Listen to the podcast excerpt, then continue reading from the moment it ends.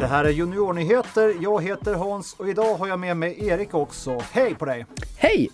Idag ska det handla om landskapsregeringens satsningar på barn och ungas hälsa och välmående. Det ska handla om att barn och unga läser allt mindre.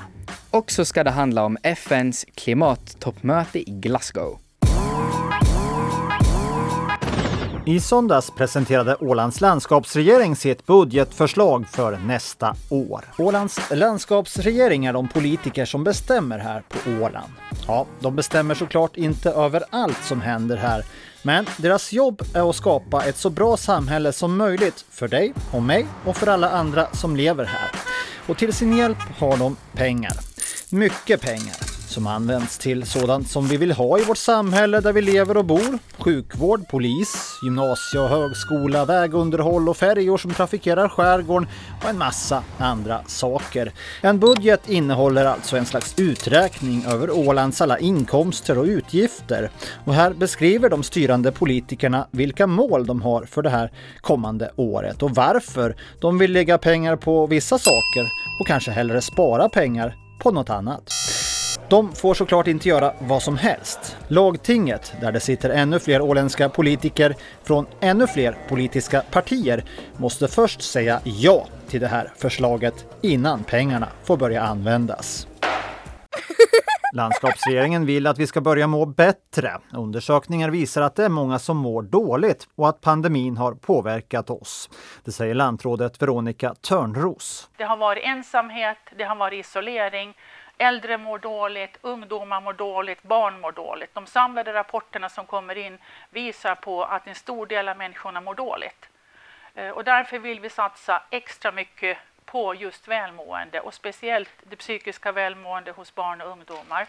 Men allt handlar inte bara om pandemin. Vi måste bli bättre på att ta hand om oss själva och varandra. Vi ser i siffror, till exempel i senaste Hälsa i skolan, att eh, det här är inte någonting som bara hänger ihop med coronan. Våra barn och ungdomar mår sämre. Därför har vi nu beslutat från landskapsregeringens sida att satsa 800 000 euro under en treårsperiod och hitta olika sätt och former att arbeta kring de här frågorna. Vi vill bygga barns välbefinnande från grunden tillsammans med alla berörda och då menar jag också med familjerna. Men vad innebär den här satsningen på barn och ungas hälsa egentligen och hur ska den gå till? Vi behöver titta på vad gör man idag på Åland? Vilka olika organisationer finns det? Eh, och sen också titta på, på forskning såklart, vad, vad man kan göra. Och titta på våra närområden. Hur, hur gör man där? Och när tror du att man kan börja med några konkreta åtgärder för barn och unga? Det tror jag är lite för tidigt att säga. Jag hoppas ju såklart att det, det sker ganska snabbt. Sa social och hälsovårdsminister Annette Holmberg Jansson. Vid OHS så kan vuxna från 18 år och uppåt boka tid för mental hälsa för att få stöd om man känner sig nedstämd eller har ångest och sömnsvårigheter och behöver stöd. Nu vill landskapsregeringen att alla under 18 år ska få samma möjlighet. Och på tal om barn och unga, snart kan det nämligen komma ett besked från den finländska expertgruppen som tar ställning till om barn i åldern 5 till 11 år ska få coronavaccin eller inte.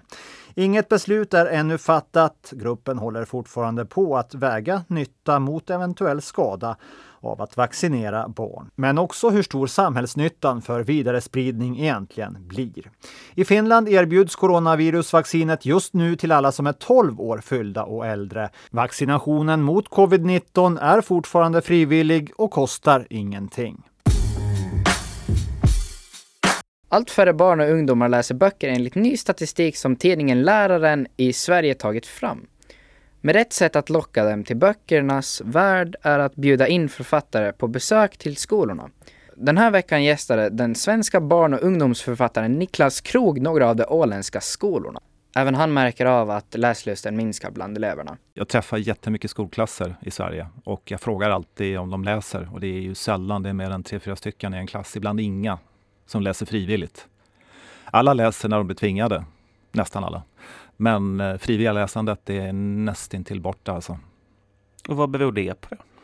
Jag är rätt säker på att det är telefonerna.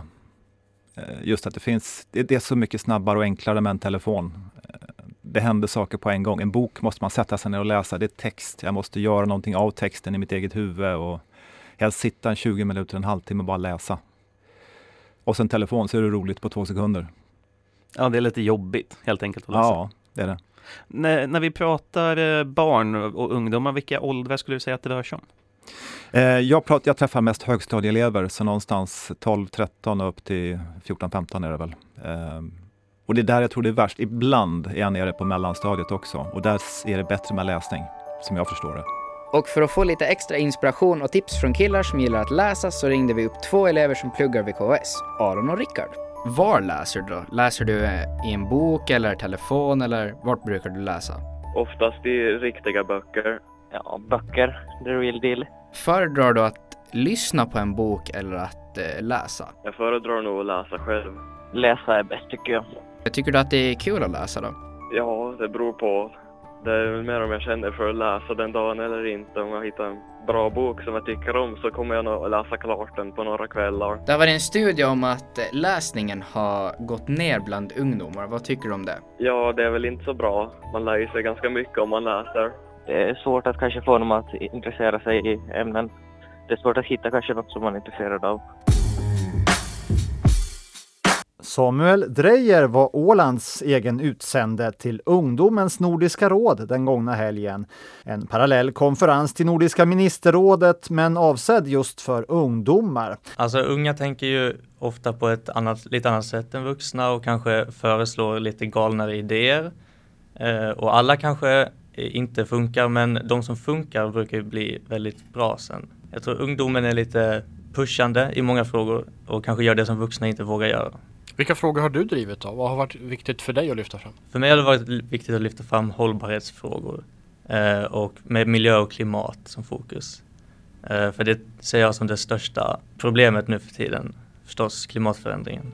Och under den här veckan och nästa vecka så pågår också FNs stora klimattoppmöte i Glasgow. Över 200 länder deltar. En av de åländska deltagarna på plats det var utvecklingsminister Alfons Röblom. Det som sker här omkring då, som till exempel jag deltar i, så är ju olika paneler och samtal och nätverkande där jag försöker lyfta det som vi på Åland är bra på. Det vi på Åland har för, vad vi har för planer och tankar kring hur vi ska bidra till det här arbetet. Det är ju det som är känslan som kretsar kring de här mötena, så är ju det att jo, jo, talk the talk, men hur är det med walk the walk alltså? Att, blir det någon action? Å andra sidan, vad är alternativet? Det är klart att, att med, det, med det politiska tryck som finns och det tryck från medborgarna som, som växer hela tiden så, så måste ju världsledarna sätta sig ner och de måste komma liksom vidare.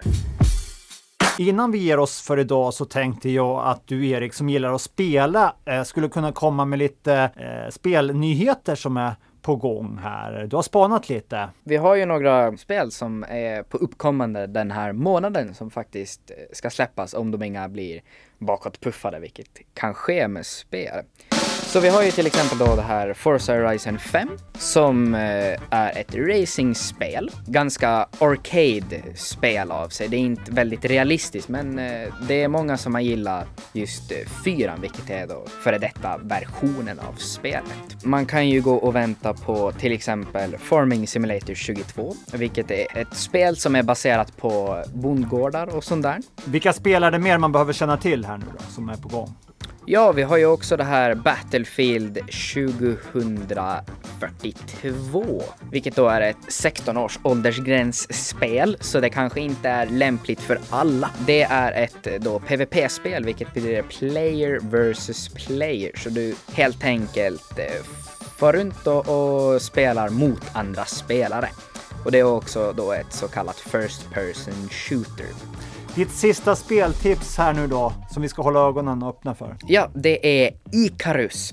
Vilket är ett överlevnadsspel som eh, jag inte riktigt har supermycket koll på. Men det ser väldigt spännande ut när jag har tittat på de här bilderna på, på spelet. Då. Alla gillar ju inte att läsa, då är det kanske det här som man önskar sig till, till jul. Exakt. Eller vad tror du? Mm?